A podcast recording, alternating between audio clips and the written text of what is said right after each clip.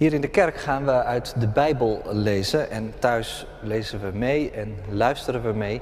De komende weken willen we met elkaar de Colossensebrief gaan lezen. Dus vanaf vandaag tot en met Hemelvaartsdag gaan we die hele brief door. Nou is de Colossensebrief een brief die eigenlijk wel mooi past in de paastijd. Omdat er allerlei opstandingsmotieven, paasmotieven in doorklinken. Paulus schrijft de brief vanuit de gevangenis. Waar precies, dat is niet bekend, maar het zou goed kunnen dat hij hem geschreven heeft vanuit Eversen. Dat hij daar een tijd in de gevangenis heeft gezeten. Hij heeft daar twee, twee jaar gewerkt. En hij heeft gezien hoe het evangelie voet aan de grond kreeg en er van alles en nog wat opgroeide. En tegelijkertijd is er ook veel weerstand.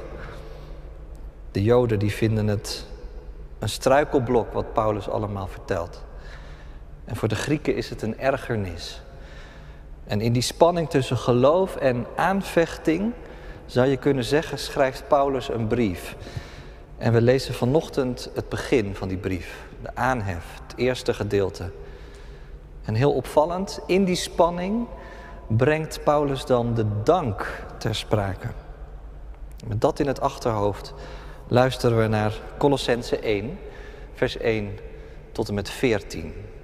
Van Paulus, door God, Gods wil apostel van Christus Jezus en van onze broeder Timo, Timotheus, aan de heiligen in Colosse, gelovige broeders en zusters die één zijn in Christus. Genade zij u en vrede van God, onze Vader. In al onze gebeden danken wij God, de Vader van onze Heer Jezus Christus, voor u. Want we hebben gehoord dat u in Christus Jezus gelooft en alle heiligen lief hebt omdat u hoopt op wat in de hemel voor u gereed ligt. Daarover hebt u gehoord toen, toen aan u de waarheid verkondigd werd en het evangelie u bereikte. Overal in de wereld draagt het vrucht en groeit het, ook bij u vanaf de dag dat u over Gods genade hoorde en de ware betekenis ervan begreep. Onze geliefde medewerker Evras, die zich als trouw dienaar van Christus voor u inzet, heeft u daarin onderwezen. En hij heeft ons verteld over de liefde die de geest in u opwekt. Daarom bidden wij onophoudelijk voor u, vanaf de dag dat we dat gehoord hebben. We vragen dat u Gods wil ten volle mag leren kennen door de wijsheid en het inzicht die zijn geest u schenkt. Dan zult u leven zoals het past tegenover de Heer en volko volkomen welgevallig.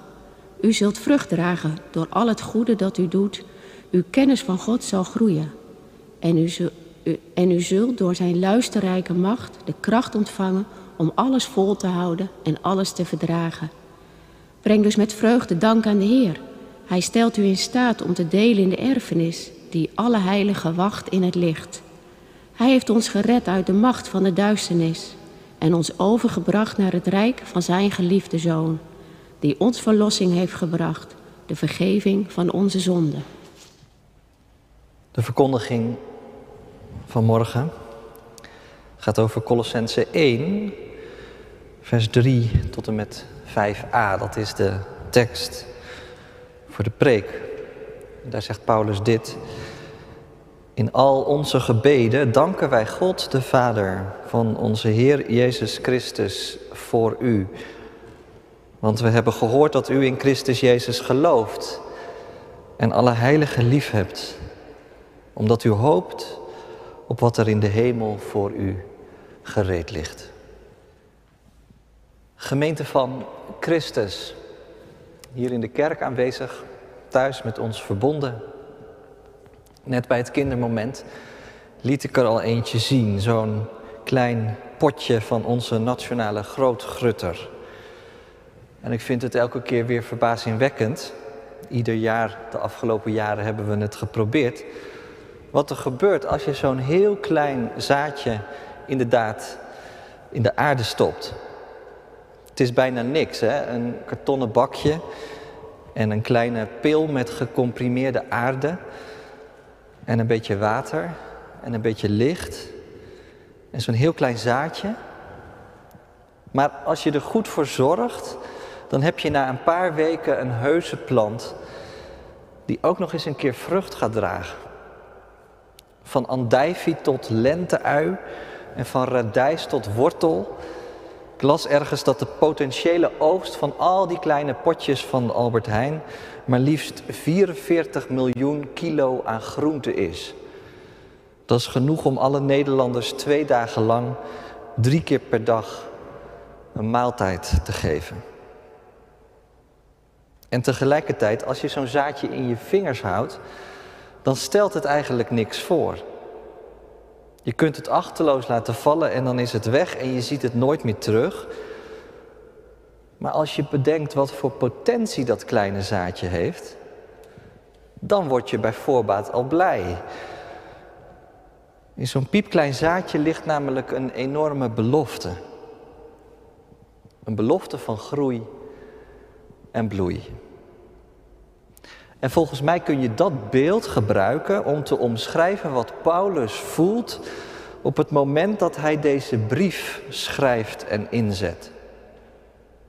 Als je die eerste versen leest, dan spreekt er namelijk vooral dankbaarheid uit. Hij ziet die christenen in Kolossen aan wie hij de brief schrijft als een voorbeeld van hoe het evangelie overal in de wereld vrucht draagt en groeit.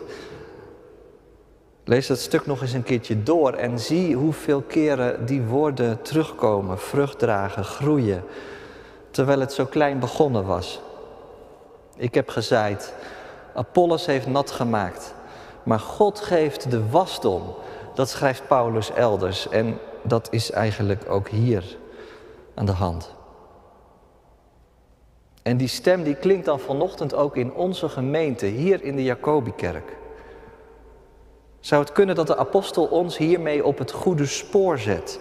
Dat het ook voor ons een aansporing is om voordat we verder gaan lezen in deze brief, en dat gaan we doen, eerst God te danken. Om wat Hij ook in ons midden heeft geplant.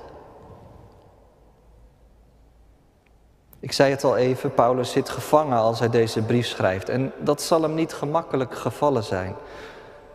Want we kennen Paulus toch een beetje als een bouwer, nietwaar? Hij bouwde aan de fundamenten van de kerk van de eerste decennia. Maar nu kan hij geen kant meer op. Hij zit in de boeien. Bid voor mij dat God die boeien losbreekt, schrijft hij in hoofdstuk 4 van de brief. En toch laat hij zich niet uit het veld slaan.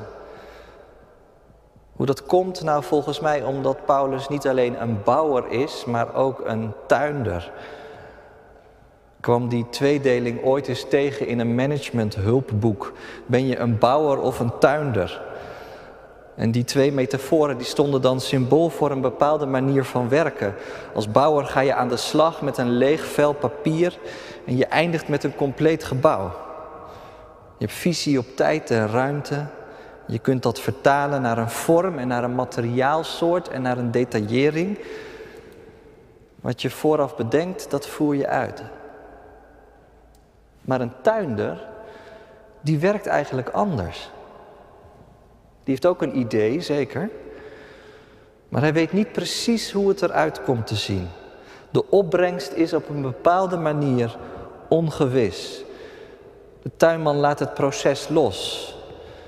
De uitkomst is een verrassing. Omdat hij zich per slot van rekening afhankelijk weet van het water en van de zon. Nou ja, zo bekijkt Paulus misschien wel wat er in Kolossen is ontstaan.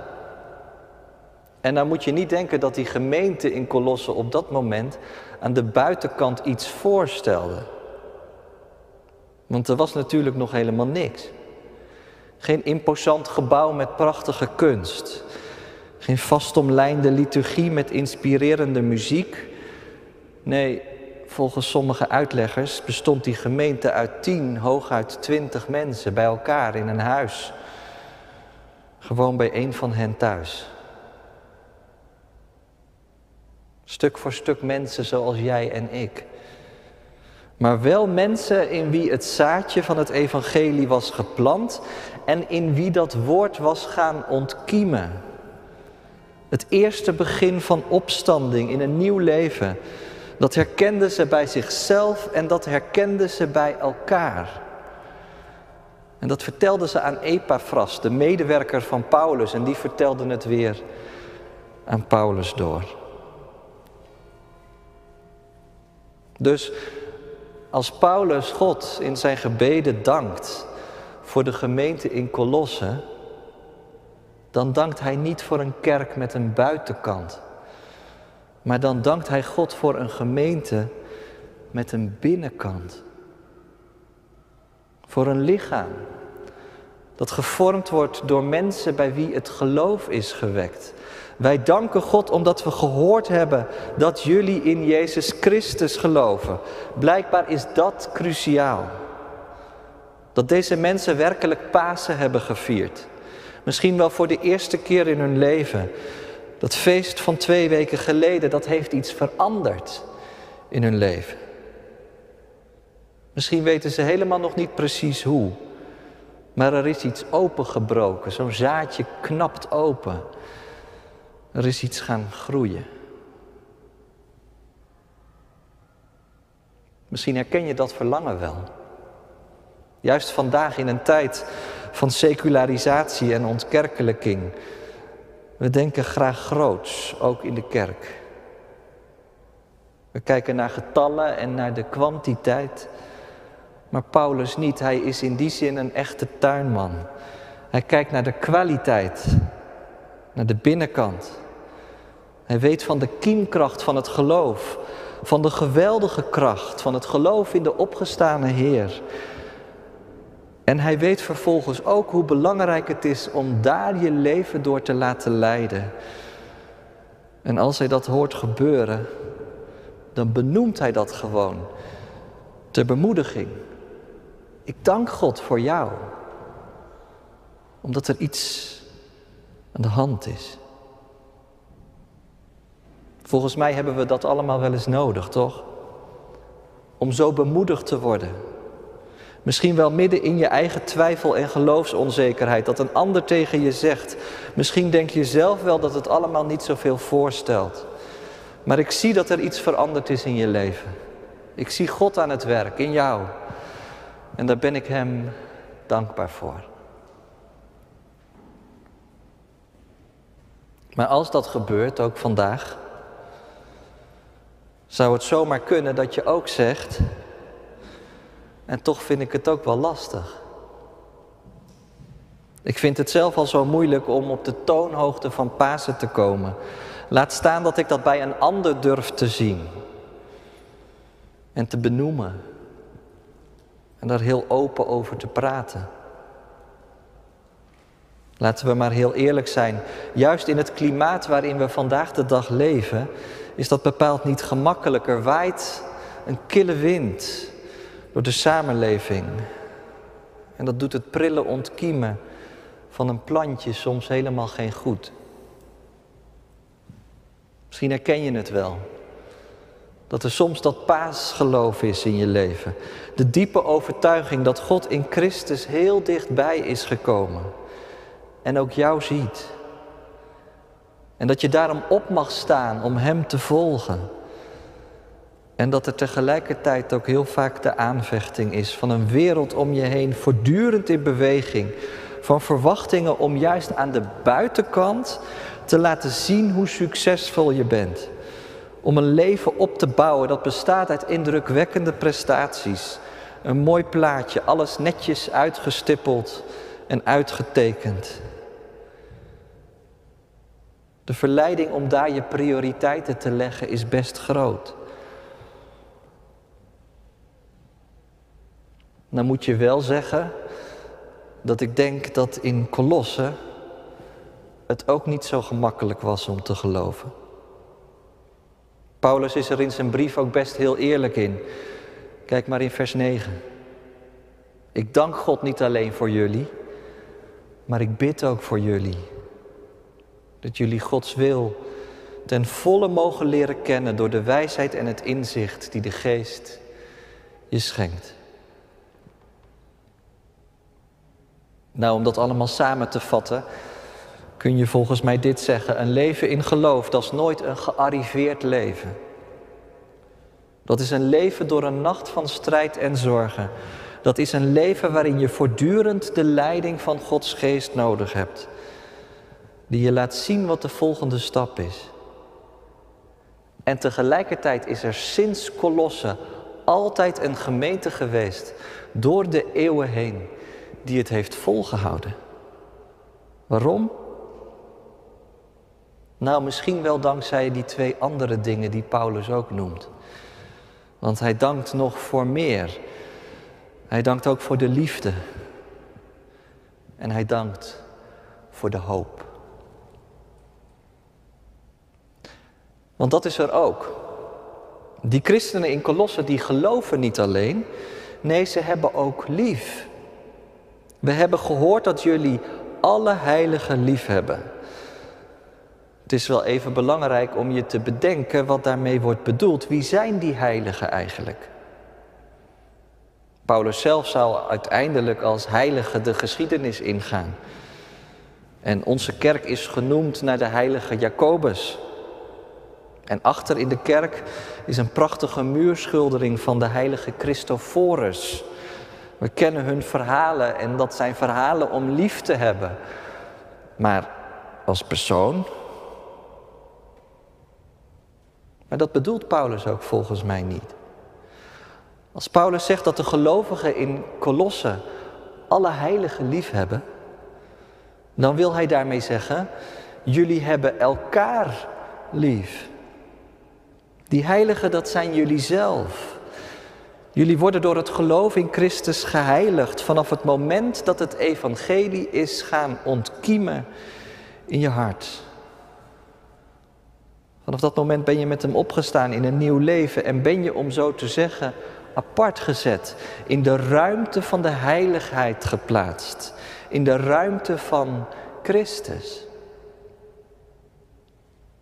Ik kan me voorstellen dat je zegt, gaat dat nou niet een beetje snel? Wat Paulus hier doet. Wat weet hij nou eigenlijk van die gelovigen in Kolossen? Hij heeft ze niet eens persoonlijk leren kennen. Hij heeft het alleen maar van horen zeggen. Van wat Eprafas hem vertelde. Het is niet een beetje naïef om zo over een groep mensen te spreken. Dat ze heilig zijn. En, en als je jezelf een beetje kent, dan, dan weet je toch wel hoe de gemiddelde mens in elkaar zit. Zou je het van jezelf durven zeggen? Dat je heilig bent? Nou ja, dan is het wel even goed om te bedenken dat het woordje heilig in de Bijbel niet altijd gaat om iemand zonder gebrek of om iets zonder manco. Nee, heilig betekent dat iets apart is gezet of iemand. Het gaat over het doel waarvoor je er bent. Als je heilig bent, dan ben je bestemd voor een andere kwaliteit van leven. Helemaal afgezonderd voor God. Dat kleine groepje heiligen in Kolossen, dat is zo'n zaadje in de akker van de wereld. Begint al iets te ontkiemen, het geloof groeit op, de liefde komt. En zo ontstaat er een andere kwaliteit van leven. Gebeurt er iets heel nieuws. Ik denk eigenlijk dat het belangrijk is om ook dat tegen elkaar te zeggen. De kerk is niet hetzelfde als een debatcentrum of een sportclub. De kerk is geen instituut dat wij zelf op moeten bouwen en in de lucht moeten houden. Nee, de kerk is een plant. De gemeente van Christus wordt door Hemzelf in leven gehouden. Er kan iets groeien dat je niet voor mogelijk had gehouden. Een plek waar je anderen echt lief kunt hebben. Door hen te vergeven. Een plek waar je ook zelf geliefd mag zijn. En daarom is er alle reden om hoog op te geven van ook onze geloofsgemeenschap. Misschien wel juist in een wereld waar het bezielde verband steeds vaker verdwijnt. En ook dat heeft niets met gearriveerdheid te maken. Want de kerk is ook een oefenplaats. Een oefenplaats in heiligheid zou je kunnen zeggen. Een oefenplaats in de liefde voor elkaar. Omdat je de ander ziet als een broeder of zuster die net als jij apart is gezet voor een hoger doel. Liefde betonen aan elkaar als medereizigers op de weg van het geloof. Daar komt in de praktijk nog best wat bij kijken. Makkelijk is het ook niet om te geven en om te ontvangen. En dat brengt dan eigenlijk vanzelf bij dat derde punt. Dat is de hoop. Want ik zei het al, we zijn apart gezet voor een hoger doel. Dat waar we op hopen. En wat is dat dan? Nou, Paulus zegt dat is de hoop op wat in de hemel voor ons gereed ligt. En eigenlijk denk ik dat je daar alleen maar in beelden over kunt spreken. Een beetje zoals er op de verpakking van die moestuintjes een plantje is getekend. Dat is waar het naartoe groeit. En gelukkig reikt de Bijbel ons allerlei beelden aan van die toekomst waarop we hopen.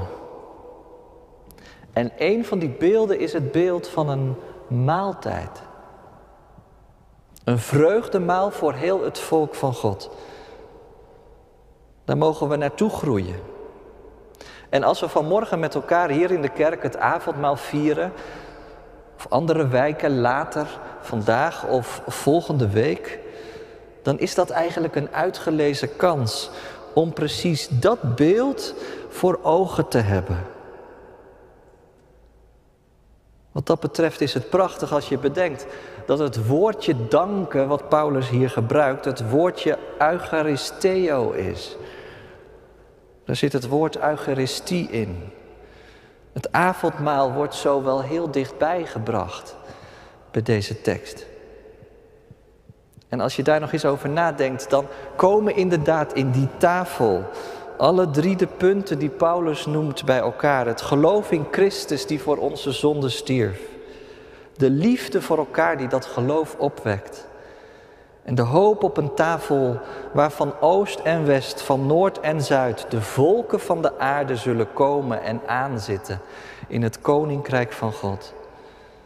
De hoop op en het uitzien naar de wederkomst van Christus en naar de bruiloft van het Lam. Naar het moment dat God alles en in allen zal zijn. Daar gaat het ook over. Als we de maaltijd vieren. Zo breken we vanmorgen het brood en schenken we de wijn. Vieren we het avondmaal midden in een verstrooide wereld met maar heel weinig mensen. Zou het iets doen wat hier vanmorgen gebeurt? Ik denk het wel. Want eigenlijk wordt het evangelie opnieuw in ons midden geplant. Door woord en sacrament worden we als leden van één lichaam in waarachtige liefde aan elkaar verbonden. Een eenheid die wij niet alleen met woorden, maar ook met daden aan elkaar mogen bewijzen.